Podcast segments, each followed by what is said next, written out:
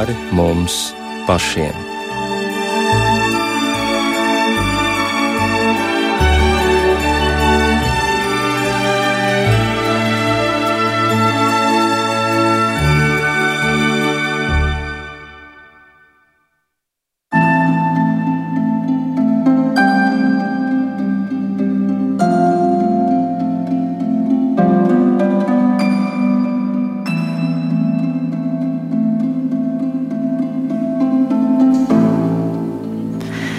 Esiet sveicināti raidījumā pāri mums pašiem, lai ir slavēts Jēzus Kristus.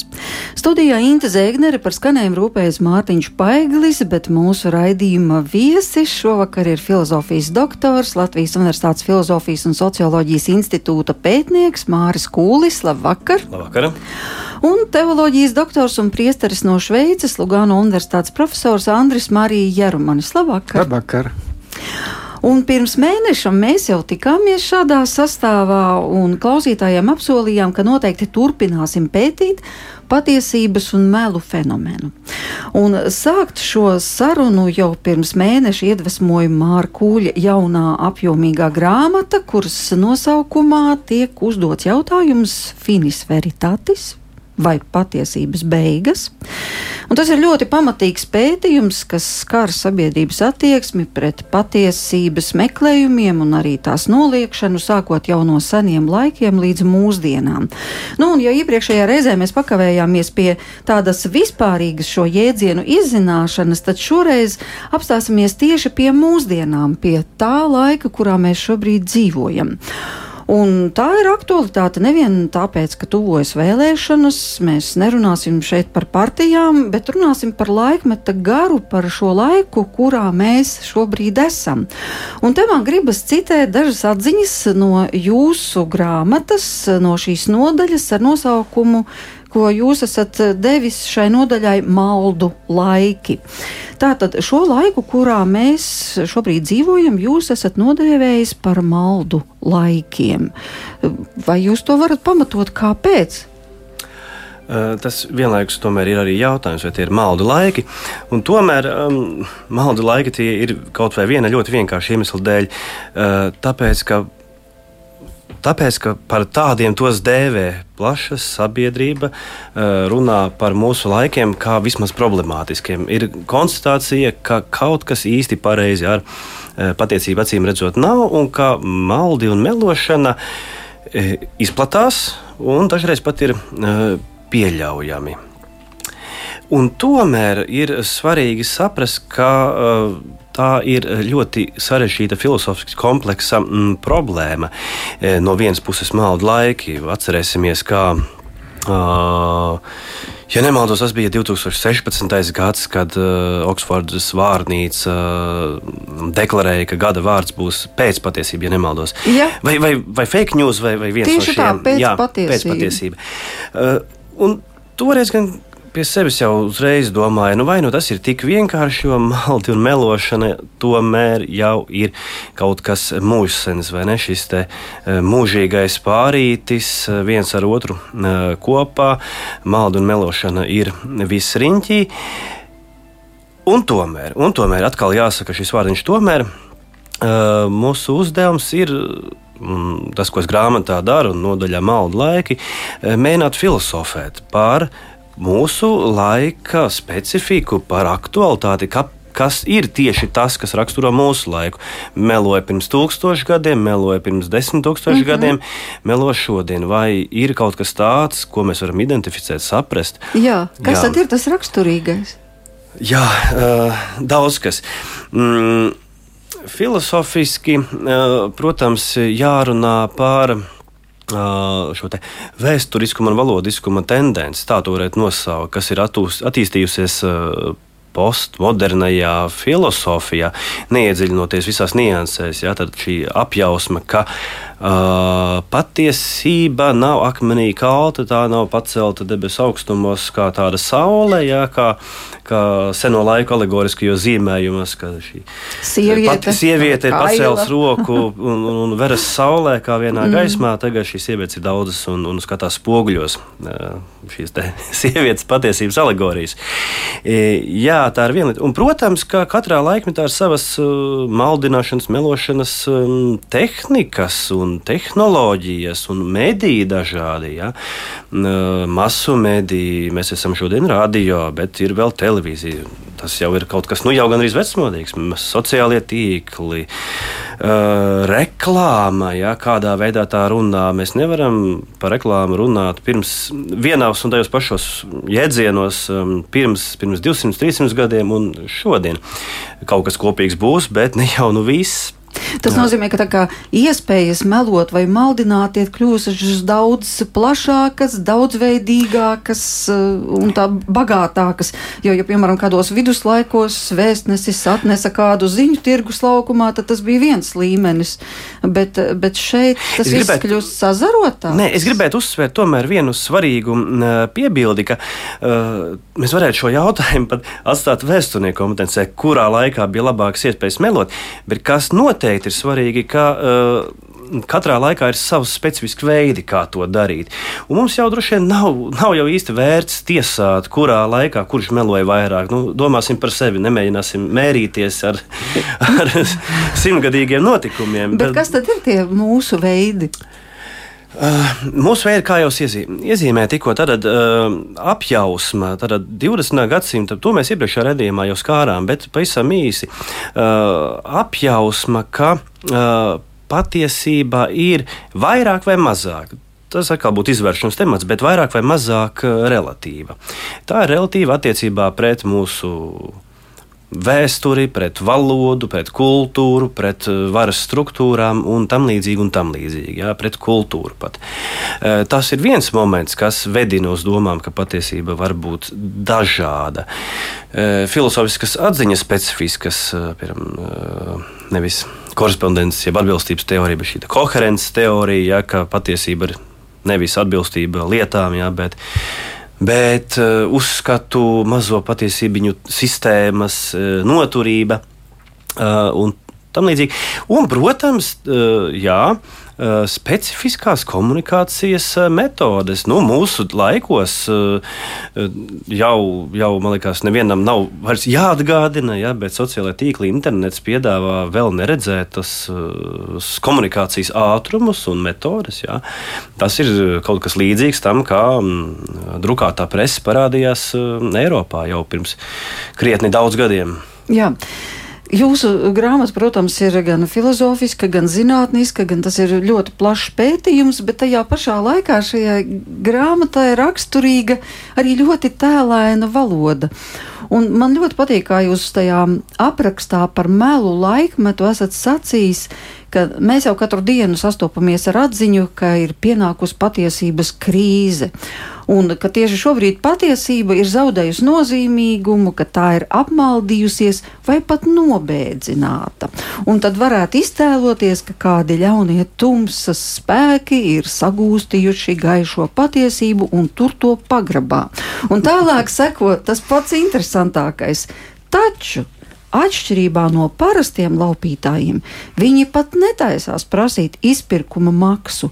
Nē, maksāšana nav paredzēta, jo patiesības vietā viņi ir izlaiduši pasaulē viltojumu.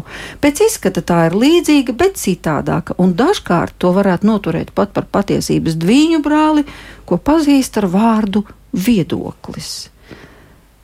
Varbūt īsts komentārs. Vai pats priecājos, cik man skaisti sanāca? es domāju, ka jūs nesat vienīgais, kas priecājas. Sarežģītās attiecības, sarežģītās attiecības ar patiesību viedokli. Bez šaubām.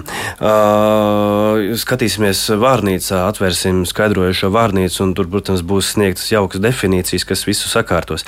Un tomēr, jā, mēs, starp citu, šajā pašā nodaļā es jau saku, ka Tā ir filozofijas grūtība, ka uh, mēs varam par savu laiku filozofēt. Mēs to nevaram retrospektīvā atrisināt, mm. un atslēgt un sniegt kādu uh, lielisku atbildi.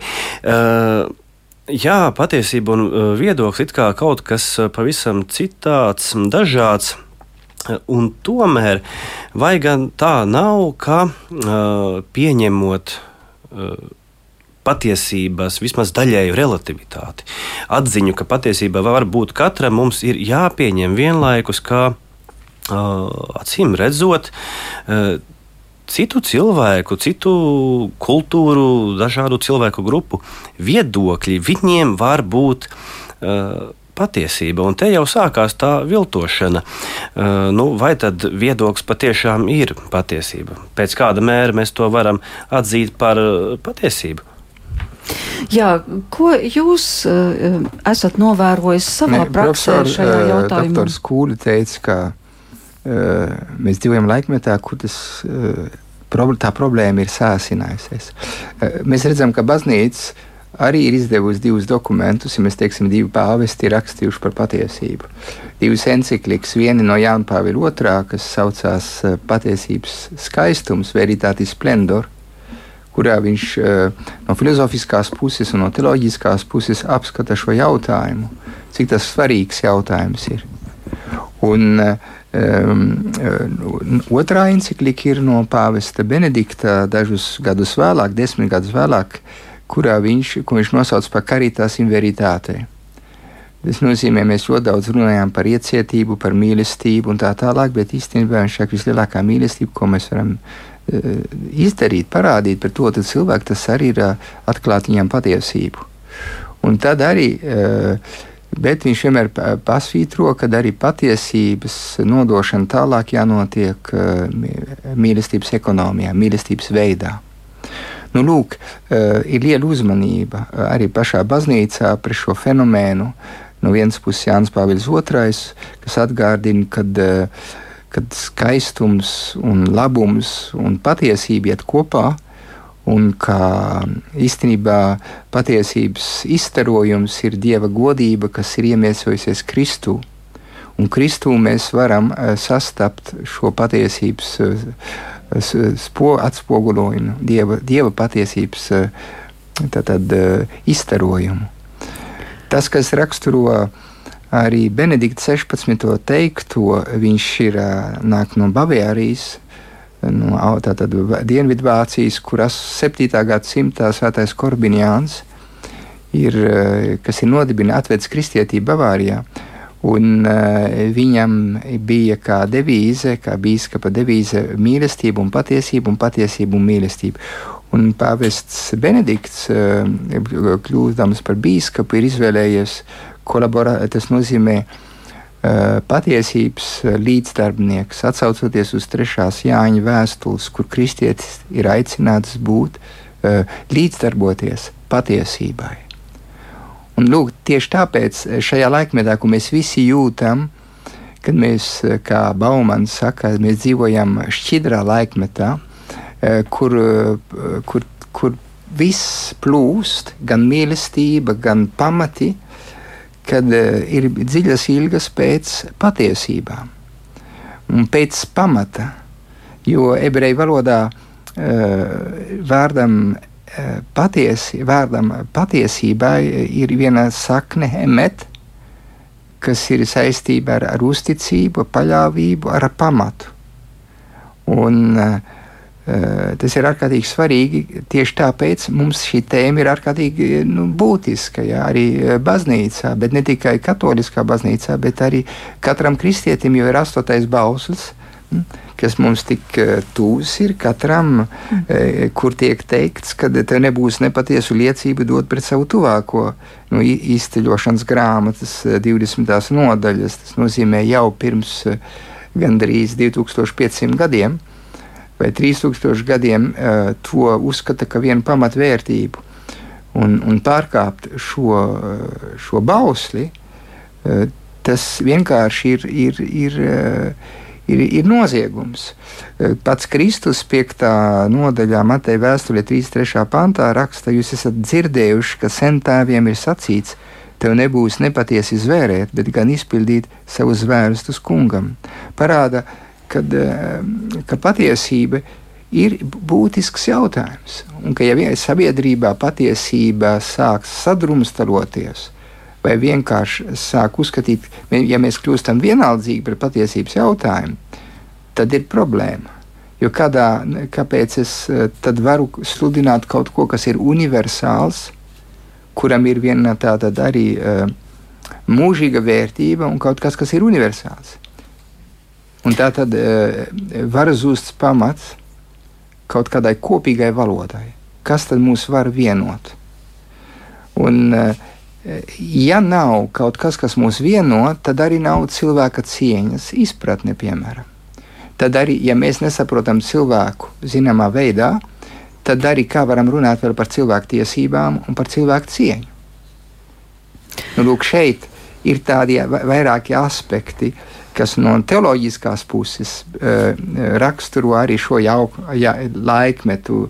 Uh, es beigšu šo pirmo tādu pārdomu no, no teologa puses, arī no, no katoļu teologa puses, ir, ir tas, ko pāvests Benedikts kādreiz teica. Mēs dzīvojam, um, tas nozīmē relativismā, totalitarismā. Nu, tad varbūt te vajadzētu mazliet paskaidrot, mm. ko viņš ar to ir domājis. Nu, uh, vai filozofs piekrīt tādam izteicienam? Uh, tas ir nē, liekas, ļoti trāpīgi, trāpīgi teikts. Uh, ha, Filosofis, filosofiskās, filosofiskās problēmas mēdz būt ļoti pārsteidzošas un uh, provokatīvas un paradoxālas. Un arī šeit ir ieslēpts paradoks, kurš varbūt šeit nesaprotams, bet iedziļinoties tēmā ātri vien pie tā mēs eh, nokļūsim. Bet uh, vai gan tā nav, uh, ka tā ir liela, izvēle, vai ne? Ja mm, atzīst patiesības, nu, dažādus vārdus lieto, var teikt, patiesības absolūto dabu vai patiesības universalitāti, tas ir viens ceļš ejams.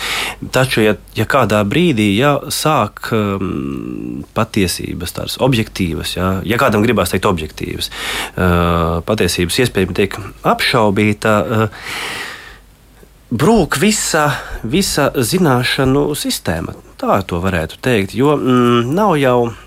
Nav jau viss tik vienkārši, ka uh, paspēlējās, filozofiski paspēlējās ar vienu jēdzienu un, un, un iet tālāk. Nebūt ne, un arī patiesība bez šaubām ir uh, nu, viena ārkārtīgi svarīga daļa no lielas, plašas, filozofiskas, tādas nu, citu jēdzienu summas no sistēmas. E, kāpēc tas ir jāsaprot? Tas jau, ko jūs teicāt, vai ne? E, ja nav ticības e, kādai vienai patiesībai, pas, sabiedrība kļūst fragmentāra vai sadrumstalota. Jā, jā, Kantā mm. tas nozīmē ētiskais norādījums. Jā, ne? mm. neizmantot otru cilvēku, otru cilvēku. Tas nozīmē darīt visu, kā, ka, ka viņa cieņa tiktu vienmēr ievērota tavās izvēlēs. Nu, es vienkārši vienkāršoju to savu domu. Tas ir cilvēka cieņa. Ja nepastāvēs cilvēka cieņa, uh, universālā vērtība, ja viņi tiek apstrīdēti, tad pazūd cilvēktiesību uh, aizstāvēšana, tad pazūd arī uh, jēdziens un tad iespēja sarunāties pasaulē, kurā mēs dzīvojam tad pazūd arī iespēja veidot vienu kopīgu pasauli. Ja uh, tas jautājums ir tāds, uh, ja, ja cilvēka, cilvēka cieņa neeksistē, tad ir Auschwitz iespējama, tad ir uh, Gulagi iespējama. Ir ārkārtīgi interesanti, tad, kad apvienotās nācijas definē cilvēku tiesības, kādas ir tās valstis, kas neparaksta. Padomu Savienība, piemēram, nepieņem to. Kāpēc? Tas ir viens jautājums. Mm. Tas nozīmē, totalitārās varas nepieņēma šī cilvēka cieņā, tas nozīmē principu. Tādā veidā, kā viņš tika formulēts, un cilvēku tiesības ja, formulējumu, kāda viņš bija 48. gadā. Jo bija skaidrs, ka bija pēc uh, otrā pasaules kara uh, trauma visā sabiedrībā, redzot to, kas notika karā. Un kā varēja tik tālu noiet, kad ebreju tauta tika vajāta. Un arī eh, visiem bija, visiem arī bija zināms eh, Staļina noziegumi. Un ka šeit pasaule apzinās, ka ir jādefinē cilvēku tiesības un cilvēku tas nozīmē pienākumus. Mēs palikam pie cilvēku tiesībām. Un, un tas, kas, tas, kas rakstīja šīs cilvēku tiesību to, to sarakstu, bija Žaks Maritāns. Ja? Mm. Pat tajā laikā ietekmīgs filozofs, pazīstams. Un, viņš atvēra tādu ceļu, uz, kas vēl šodien ir svarīgs. Jautājums šodien, tāpēc, kad ir, ir tas, mēs dzīvojam laikmetā, kur mēs apšaubām, kad varētu būt viena izpratne par cilvēku cieņu. Ir, ir, mēs, piemēram, teiksim, ka tas ir pieder pie cilvēka cieņas ar nogalinātu bērnu, brīvi, brīvi nogalinātu bērnu, bērnu miesās, piemēram jeb tas pieder pie cilvēka. Tas nozīmē, brīvība kā tāda ir pieder pie cilvēka cieņas, bet tā brīvība arī e, relativizējot citas vērtības. Tā ir tā diskusija, ja, kas pasaka, ka mēs nevaram vairs celt pasauli uz cilvēku cieņas pamatu. Tāpēc, ka jau ir relativizējies kaut kas. Un tieši tajā kontekstā um, cilvēka cieņa, um, vērtība vai patiesība, viņai jāpaliek kā pamats laicīgā sabiedrībā. Un, un, un e, kristietis un teologs atgādina sabiedrībai, ka cilvēka cieņa ir pamatot uz um, imago dei. Tas nozīmē cilvēks, kas ir radīts pēc dieva tēla. Un ka īstenībā katra reliģija, ja viņa ir godīga ar sevi, viņai ir jā, jāatcaucās uz šo pamatu. Bet ne jau vienmēr visas reliģijas ir godīgas ar, se, ar, ar pamatiem, un vienkārši arī mēs, kā kristieši, e, mums ir vienkārši jāiet atpakaļ pie mūsu pamatiem, lai saprastu, ka ja cilvēka cieņa ir visu pamatā, tad tas mums ir jāveicina mūsu sabiedrībā, kurā mēs dzīvojam. Un tad e, relativisms varē, pateiks, pateiks to, ka ir vairāki veidi, kā izprast cilvēka cieņu, un arī uh, noliks tajā pašā līmenī cilvēka cieņu un dzīvnieka cieņu un jebkuras katras būtnes cieņu. Vai tas tā ir, vai tas tā nav, šeit var rasties diskusija. Nu, lūk, tas bija tāds uh, garāks, uh, um, garāks pārdoms par baznīcas vai par kristīgo un baznīcas interpretāciju attiecībā uz patiesību. Jūs tikko runājāt par cilvēka cieņu, un arī minējāt kantu, ka cilvēka cieņa ir pamatvērtība. I, te ir jāsaprot, ka Imants Kants, starp citu, diezgan cieši saistīts ar uh, Latviju. Viņa brālis Latvijā dzīvoja, Kanta darbi pirmpublicējumi ir izdoti Latvijā. Uh, tā kā uh, mums nozīmīgs filozofs, bet visā pasaulē, un it īpaši rietumu filozofijas vēsturē, Kants viens no šiem centrālajiem, centrālajiem vadošajiem personāžiem. Kanta kategoriskais imperatīvs, un te ir jāpievērš uzmanība šim pašam vārdiņam, kategoriskais. Kants šaubām racionālas filozofijas, racionālas filozofijas pārstāvis. Viņš skaidri un gaiši pasaka un atgādina to, ka, redziet, ja mēs sāksim spēlēties pārāk daudz ar izšķirīgajiem jēzeriem, to pašu patiesību, mēs šodien runājam par patiesību un meliem. Es vienu piemēru atgādināšu. Kants um, runā par melošanu, ko darīt, uh, ko darīt uh, ja tev ir vajadzība melot. Viņš uh, saka daudziem par pārsteigumu, ka nedrīkst melot, jo situācija ir tāda, kurā it kā vajadzētu melot. Bet ir jāsaprot, ka ja, ja melosi, ja melosi, tu diskreditēsi, pilnīgi apšaubīsi patiesību un kategoriskas imperatīvas. Tas ir ētikas princips. Ja? Bet mm. ētikas princips ir visciešākajā veidā sajūdzies ar uh, epistemoloģijas. Epistemoloģija tad uh, patiesības noskaidrošana, zināšana, mā, mācība par zināšanām. Ja? Bet zināšanas ir patiesība, un patiesība turpat blakus ir ētika, un turpat blakus ir cieņa. Un ja nav šo visu elementu kopā, ja viņi viens otru nebalsta, tad uh, sabiedrības veselīga pastāvēšana ir vismaz um, apdraudēta. Tādā ziņā Kants, Kantu var saukt par uh, konservatīvu domātāju, lai būtu, uh, bet tas ir arī viņa, nu, uh, teiksim, tam spēks, ja, viņš veido vienu no dižākajām filozofiskajām sistēmām rietumu filozofijas vēsturē, un viņš pamato, kāpēc tas ir vajadzīgs. Tā nav tikai iegriba šī sistēma. Tā ir sistēma, filozofiska sistēma, kurā katra daļa viena otru paskaidro. Tīrā prāta kritika, praktiskā prāta kritika, spriedzspējas kritika, visas šīs daļas ir sajūgtas cieši kopā. Un, jā. jā. Man ir jautājums, bet tomēr kā tas ietekmē sabiedrību? E, jūs minējāt šie divi vārdi - tātad patiesība un patiesību mēģina šie laupītāji, sacīsim, aizstāt ar dviņu māsu vai dviņu brāli, kas saucas mm. viedoklis. Un tad mums ir viedoklis. Jūs tik skaisti stāstījāt par to, ka cilvēciskas cieņa, tas taču ir cieņa pret cilvēku, tas taču varētu būt visas globālās zemeslodes visaptverošs pamats. Ja? Bet tajā pašā laikā katram ir savs viedoklis par to, ko nozīmē cilvēka cieņa. Jūs minējāt šo gadījumu, ka tā tad nedzimis bērns mātes miesās ir pelnījis cieņu, jo tā ir dzīvība.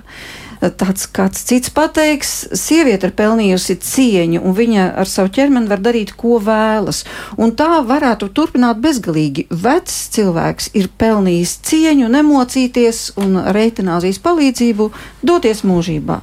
Tā pašā laikā Vēl kāds cits sacīs pretēji.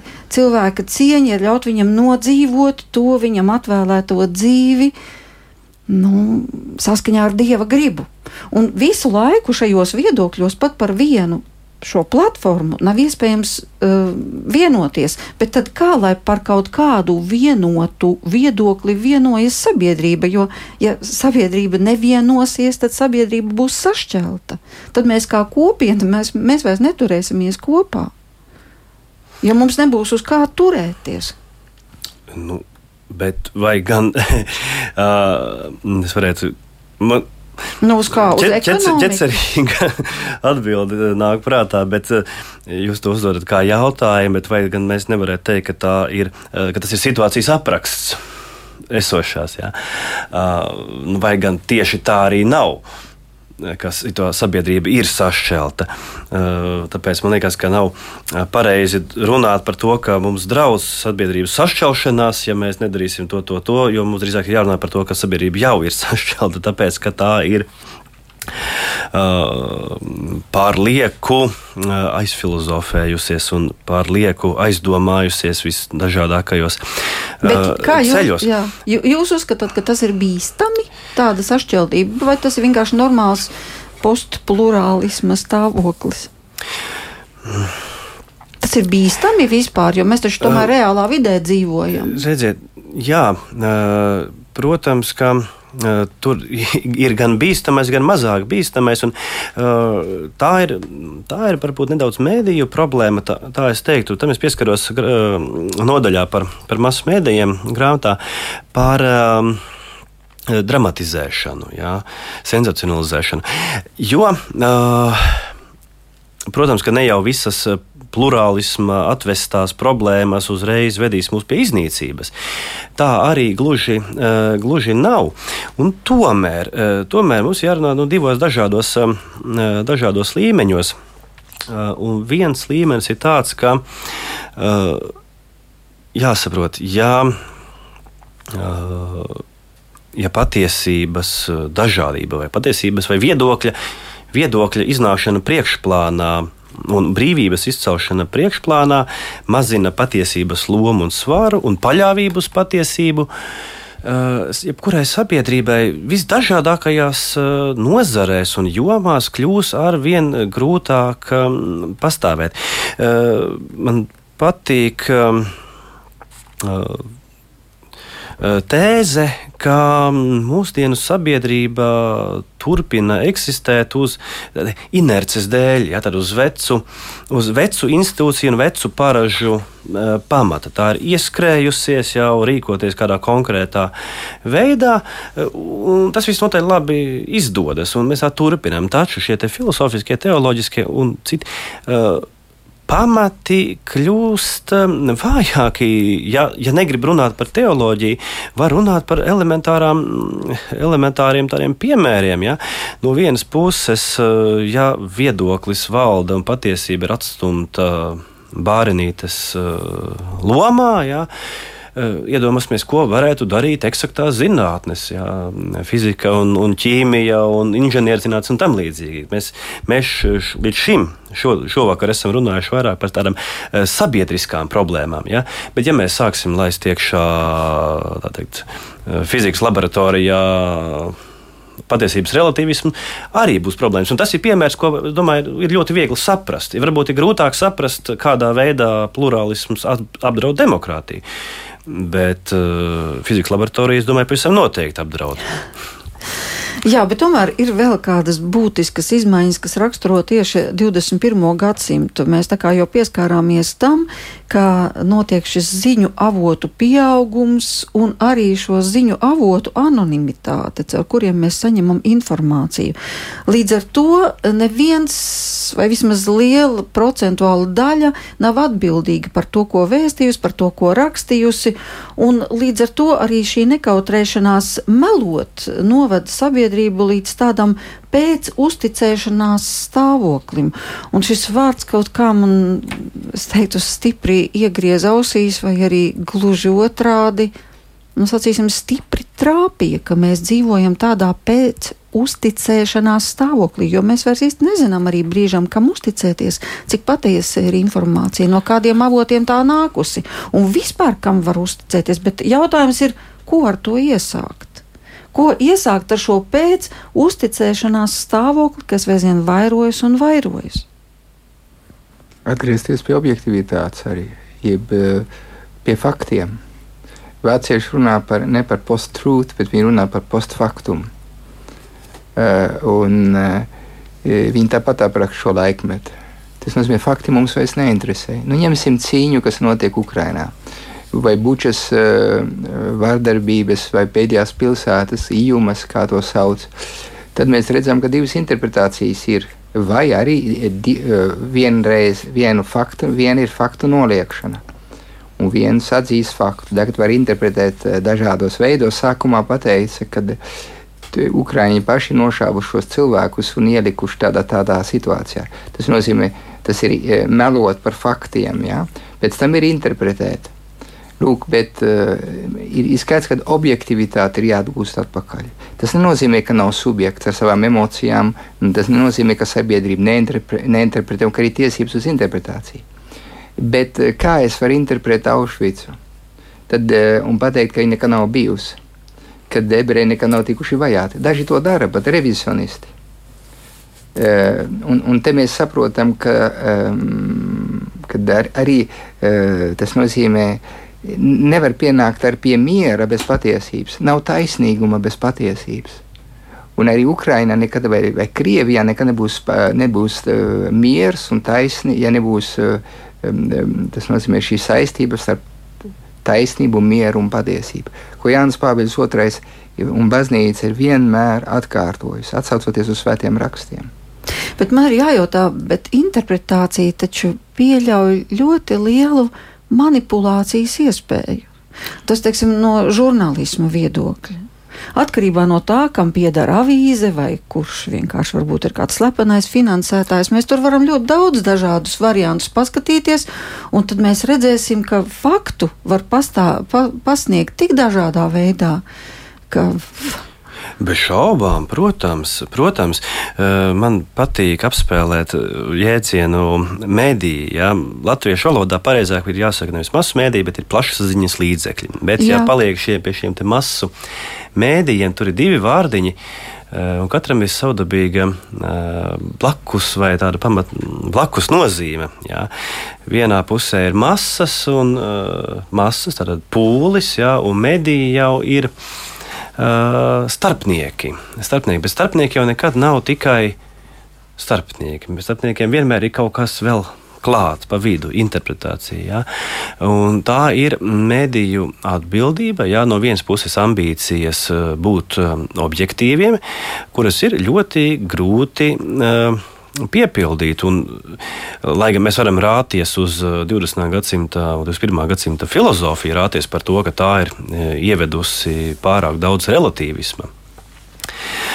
Nav jau arī tā, ka tā būtu pavisam pavisam aplamības sarunājusi. Nē.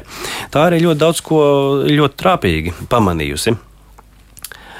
Uh, Bet šīs dienas epistemoloģija labāk saprata, tas nozīmē, ka ir, ir objekts un ir subjekts, un ka jāņem vērā uh, abi Jā. poli. Un kas notiek, ka mēs viņus atdalām? Un tad iekrītam vai objektivismā, vai subjektivismā. Jā, un, uh, jā, un tā ir interesanta, tāda, arī paradoxāla, kā teikt, schizofrēniska sabiedriska mēroga schizofrēniskas izjūta, ka no vienas puses mēs uh, saprotam, ka runa par uh, faktiem. Un tajā vienas un tās pašas sarunas laikā varam nokļūt pie tēzes, ka viss taču ir tikai interpretācija. Un tas ir konstatējums, jā, ko es, manuprāt, es varu redzēt ik uz stūra, ik dienas. Jā. Fakti, fakti, meklējam faktus un pēc tam viņus interpretējam. Bet tad, kad mēs viņus sākam interpretēt, tad atklājam, ka varam tā, tā, tā sacīt, aizinterpretēties, sazina, sazina kuru. Atgriešanās pie faktiem, starp citu, jā, interesanti, ka e, šajā sakarā pieminēt, ka tā, tā, tas bija nu, jau pirms vairākiem gadiem Pasaules filozofijas kongresā. Jā, viena no e, šīm keynote, kā angļuiski saka, galvenajām runām mm. bija par to, ka e, vajadzētu atgriezties pie jaunā realisma. Jā, ka, nu, ka nu, pietiek, ka mēs esam jau aizpļāpājušies tik tālu, ka mums vajadzētu tā kā nu, nu, pamēģināt pastiprināt to realisma, realisma e, stīgu. Ja. E, redz, sabiedriskā līmenī, tādā vienkāršā, mēs, e, mēs, mēs runājam no filozofijas skatu punkta šeit šovakar, ja? bet tādā ikdienas, teiksim, tā, ikdienas vienkārša cilvēka skatu punktā, protams, fakti ir svarīgi. Bet uh, grūtību jau ir ārkārtīgi daudz ja, uh, par. Um, Nevar visu zināt, nevar visu pamanīt, nevar visu atklāt.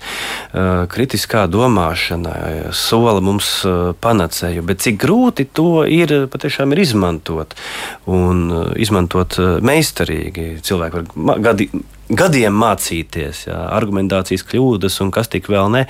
Bez tam arī mums nav pieejami visi sacīt, informācijas avoti. Varbūt jums no savas Šveices skatoties, jūs lasāt tik daudz dažādas preses, analizējiet viedokļus, vērojiet dažādus televīzijas kanālus, zināt daudzas valodas, un tad varbūt jums veidojas kāda cita mozaīka par šīs pasaules procesiem, daudz objektīvāka. Tā kā no tāda Kāpēc? viedokļa jūs būtu lielisks žurnālists žurnālists. Kāpēc totalitarisms mēģina sa samazināt informācijas avotu? Kāpēc Krievija aiztaisa ciet dažus kanālus vai dažus interneta portālus? Tas nozīmē, ka e, tirānija un, un totalitarisms negrib, lai būtu daudzveidība informācijā. Negrib, lai cilvēki var salīdzināt. Jo tas nozīmē, ka baidās, un tas, no, tas nozīmē, ka, ka tic, ka cilvēks tomēr ir spējīgs atpazīt pazī, e, patiesību. Bet ir ļoti svarīga viena nianse. Tas tieši tā, totalitārisms, un tas ir valsts līmenī. Bet kas man ļoti, ļoti nepatīk, ir uh, mūsdienu digitālo tehnoloģiju uh, kontekstā. Visi sociālie tīkli, tie vispirms Pirmkārt, un galvenokārt, eh, peļņas dēļ, eh, jo, starp citu, eh, viena tāda maza ātrā piezīme - Facebook, jā, sociālais tīkls Facebook.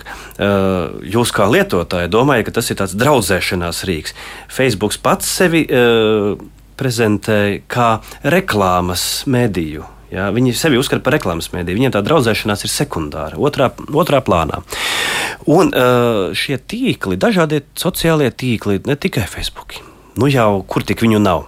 Mm -hmm. Viņi veido šo mikro līmeņa totalitāro burbuli. Jā, noteikti ir, ir daudz kā par šīs burbuļa jēdziens pieminēts, jā, bet ar uh, specifiskiem tehnoloģisku risinājumu un algoritmu palīdzību tad cilvēku iepina tādā totalit, mazā, maziņā, maziņā totalitārā burbulītī, kurā atkārtojas vienas un tās pašas uh, idejas. Kā nu tas sagadās, eh, varbūt dažādi ceļi. Ja? Kā mana, mana cits alter ego, kas ar terorismu pētniecību nodarbojas, ja? kā notiek vervēšana, savērvēšana cilvēku. Ja? Pirmais ir izveidot kontaktu, nākamais solis. Gan izšķiroši svarīgākais ir norobežot cilvēku no citiem cilvēkiem, no citiem, no, no radiem, no draugiem, ie, ievilkt iekšā savā tīklā. Tīk, tīk, informatīvajā tīklā, tieši informatīvajā, uh, aktīvajā darbības tīklā. Tas jau būs kaut kad vēlāk. Bet tiklīdz informatīvajā tīklā es iekšā, nu, tad tas tālāk tā teikt. Tas Tehnisks bija, jautājums, kā to līdz galam nokārtot. Jā. Tas bija redzams ar antivakseriem, vai, kad tika ievilkti tādā tīklā un pēc tam vairs nevarēja pat parunāt ar tiem cilvēkiem pat ar, ar loģisku argumentāciju nebija iespējams. Tas ir izpētīts tagad, un, un ļoti labi tas ir tas totalitārais burbulis. Un, un, un, un apzināties to, runāt par to, lai, lai, lai, lai uzmanītos. Jā, bet, tas nu, politikā tas pats ir. Jā, tas nozīmē. At, jā, bet atkal tieši tas pats. Katram ir sava patiesība. Katram ir savs viedoklis šajā jautājumā. Kāpēc kāds grib uzspiest otram savu patiesību? Nē, ir viens likuma nu- zinātnē, ka tomēr. Uh, mēģina. Tas nozīmē, ka ir viens zinātnieku grupa, cilvēki, kur atzīst tavu darbu kā pieņemošu zinātniskā pasaulē. Tas pats ar, ar, ar vakcīnu vai ar slimībām un tā tālāk. Vai tev var būt minoritātes viedoklis, bet tev jāpierod minoritātes viedoklis. Tu nevari atsaukties piemēram uz vienu un tagad pateikt, tas ir mans viedoklis. Ja, citā, citādāk zinātnē pat nevar funkcionēt. Viņi vienmēr funkcionē tomēr ar vairākumu viedokli. Un tas nu. atkal sākās neusticēšanās teorijas, nu, jo tiek tāpēc, uzskatīts, ka arī lielākā, nu, teiksim, kaut kāda zinātniski, pētnieciski institūti tāpat ir atkarīgi no naudas devējiem un tā tālāk, un to Bet, ziniet, mēs tad bez eh, galvām ziniet. Eh, antibiotikas ir izglābuši tik daudz cilvēku no tuberkulozes, tik daudz cilvēku nav nomiruši, un paldies Dievam, ka bija zinātnieki, kas strādāja. Aspirīns ir, ir izglābs tik daudz cilvēkus, un mēs varam turpināt. Nu, jā. Tad kāpēc neusticies ārstu pasaulē, vai akadēmijai, vai grupa, eh, gru, eh, komitē, komitē, kādai? Eh, tas nozīmē komitejai, kas, kas darbojas ļoti labi dažās nozarēs. Tad, kad tev patīk, tad uzticies, un kad tev nepatīk, tad neusticies. Te var Jā. būt tā paškritika un tā kritiskā domāšana jābūt arī pret sevi. Ne tikai pret valsti, ne tikai pret to politiķu, bet arī pret sevi. Un tā pazemība jābūt. Te mēs nonācām vēl līdz vienai interesantākai lietai. Respektīvi, jūs savā grāmatā rakstāt par to, ka arī mūsdienu laikmets ir raksturīgs ar to, ka melos pieķerti politiķi vairs nenobīstas, jo atkauties no apsūdzībām ir viegli, jo vienīgās patiesības kā tādas vairs nav Un ir ļoti viegli ieiet šajā melu straumē. Un tad no vienas puses ļoti daudz anonīmu ziņu, ļoti daudz ziņu avotu, tas ir viens. Tad vēl tas, ka tu vairs nevari saprast, kuram politiķim vispār var ticēt un kuram uzticēties, un ka šie abi faktori cilvēku noved līdz tādam stāvoklim, ka, virs, ka viņš vispār pārstāja ticēt jebkam. Un tad jautājums ir, kā vispār no šī stāvokļa izrāpjas laukā? Nu, ņemsim tagad politiku, ņemsim visas partijas. Tad, tad, Tikai jūs nedrīkstat nekādu aģitāciju izdarīt. Nē, es nedrīkstu. Es vienkārši ap, ap, te lietosim uh, savu, savu spēju uh, izvērtēt. Vispirms, kāds ir cilvēka kapitāls. Kāda ir pieredze no tiem, tiem cilvēkiem, kas tajā partijā, kas ir izdarīts pagātnē, kā piemēram runā par vienu sistēmu, kā par otru, kāds ir saistības ar vienu varu, kā ar otru ko domā par tieslietu lietām, ko domā par, par ekoloģisko jautājumu, ko domā par cilvēkiem, ko domā par, par pamatvērtībām. Nu, ja mēs apskatīsim katras partijas programmu tādi, tad, tad veidosies jau go, godīgs priekšstats. Jo tas ir ļoti viegli nomazgāt rokas, man politika neinteresē, es nezinu, kam es varu paļauties nu, tas nozīmē, ka tu netici tavām smadzenēm, spējīgai, un tu netici tavai, tavai, ka tu esi spējīgs ar tavu prātu tomēr nolasīt kaut ko. Ir, ir, ir paskatīsimies, dažās partijās cilvēkiem ir tādi cilvēki, kuriem nekāda pieredze nav. Viņiem tik smags smaids ir, ja viņam daudz naudas ir, piemēram, bet nekāda pieredze. Ja viņam neinteresē nemaz kopīgā sabiedrība, tas nozīmē kopīgais labums, piemēram. Mēs, mēs varam nonākt pie tā, e, kā, jā, jā. E, kā mēs varam tomēr izvērtēt, ja? kāda ir cilvēka cieņa tajā partijā, piemēram. Nu, jā, labi. Mums vēl ir, mums vēl ir nedēļa to vērtēt, bet ir vēl kāda interesanta lieta, kas attiecās uz manipulāciju. Ko jūs šajā sakarā teiktu par patiesības sagrozīšanu, kā to dažkārt arī mēģina pasniegt? Piemēram, ir dzirdēts tāds teiciens, diemžēl, es mīlu šo zemi un nemīlu šo valsti. Tas skan šajos apstākļos, nu, es teiktu, diezgan vispār šaušalīgi. Tāpēc, ka valsti e, šie cilvēki asociē sacīsim, ar valdību. Ar valdību, jā. jā. Bet tas taču nav vispār. Ta, tas taču nenozīmē valsts, bet to ir tik viegli e, sagrozīt, ar to ir tik viegli nomanipulēt ka cilvēkam rodas nepatika, pret ko? Uh, tas ir viena no lielākajām Latvijas sabiedrības uh, problēmām tieši politikas temata kontekstā. Jā, ir norobežošanās ar vienaldzību. Un, es tiešām neredzu tādu vienkāršu risinājumu, kā no tikt ārā, jā, bet nu, diena, no, diena no vienas puses sabiedrība ir diezgan vienaldzīga. Kaut vai arī balsotāju skaits, diemžēl, nav ļoti liels, lai gan, nu, protams, valsts ir mūsu kopēja lieta un par to vajadzētu uztraukties. Jā, šī attieksme, ka nu, tur kaut kādi sēž, šī valdība, viņi ir kaut kādi ļaunie, un es tāpat neko ietekmēt nevaru. Ja? Nu, Latvijā jau vēl varam, tā izjūta ir tāda, ka kaut ko jau vēl varam, vismaz varētu protestēt. Krievijā ir, kā redzams, ir pilnīga katastrofa. Ja? Cilvēki neuzskata par vispār, nu, nu kāpēc tērēt laiku, lai iet uz kaut kādu e, klaunādi. Ja? E, taisnība. Otras puses ir jāatzīst, ka ir jau arī e, sarežģīti Uh, saprast to visu un iedziļināties. Uh, partijas uh, no vienas puses cilvēki neinteresēs, bet otras puses partijas tos, ko viņi piedāvās, ir īpaši tagad mēs varam redzēt, ja bukletiņi visādi ik pa laikam atrodas pasta kastē, un nu, kas mainās? Mainās krāsa, mainās krāsa, šrifta izvēle, sejas, bet stāsts visiem ir viens un tas pats. Nu, īsti sakot, būs ļoti labi. Es neesmu redzējis nevienu vēl reklāmu, kurā teiktu, ka būs slikti. Uh, Uh, jā, un citādi nu, aptuveni tas pats. Bet kaut kas precīzāk, vai ne? Kā jūs teicāt, mums vajadzētu pajautāt uh, politiķiem, nu, ko viņi domā par to, to, to. Uh, viens, es varbūt nemaz nemazliet uzdot tos labākos jautājumus, uh, bet uh, politikas, politiskās partijas ir ļoti paviršas. Ļoti paviršas savos piedāvājumos un savos stāstos. Un vēlētāji, diemžēl, arī neprasa gana uzstājīgi, lai viņi būtu precīzāki. Nu, un visbeidzot, noslēdzot šo raidījumu, vēl pavisam īsi. Kāpēc tomēr svētajos rakstos ir tik ļoti krasa vēršanās pēc, pret meliem?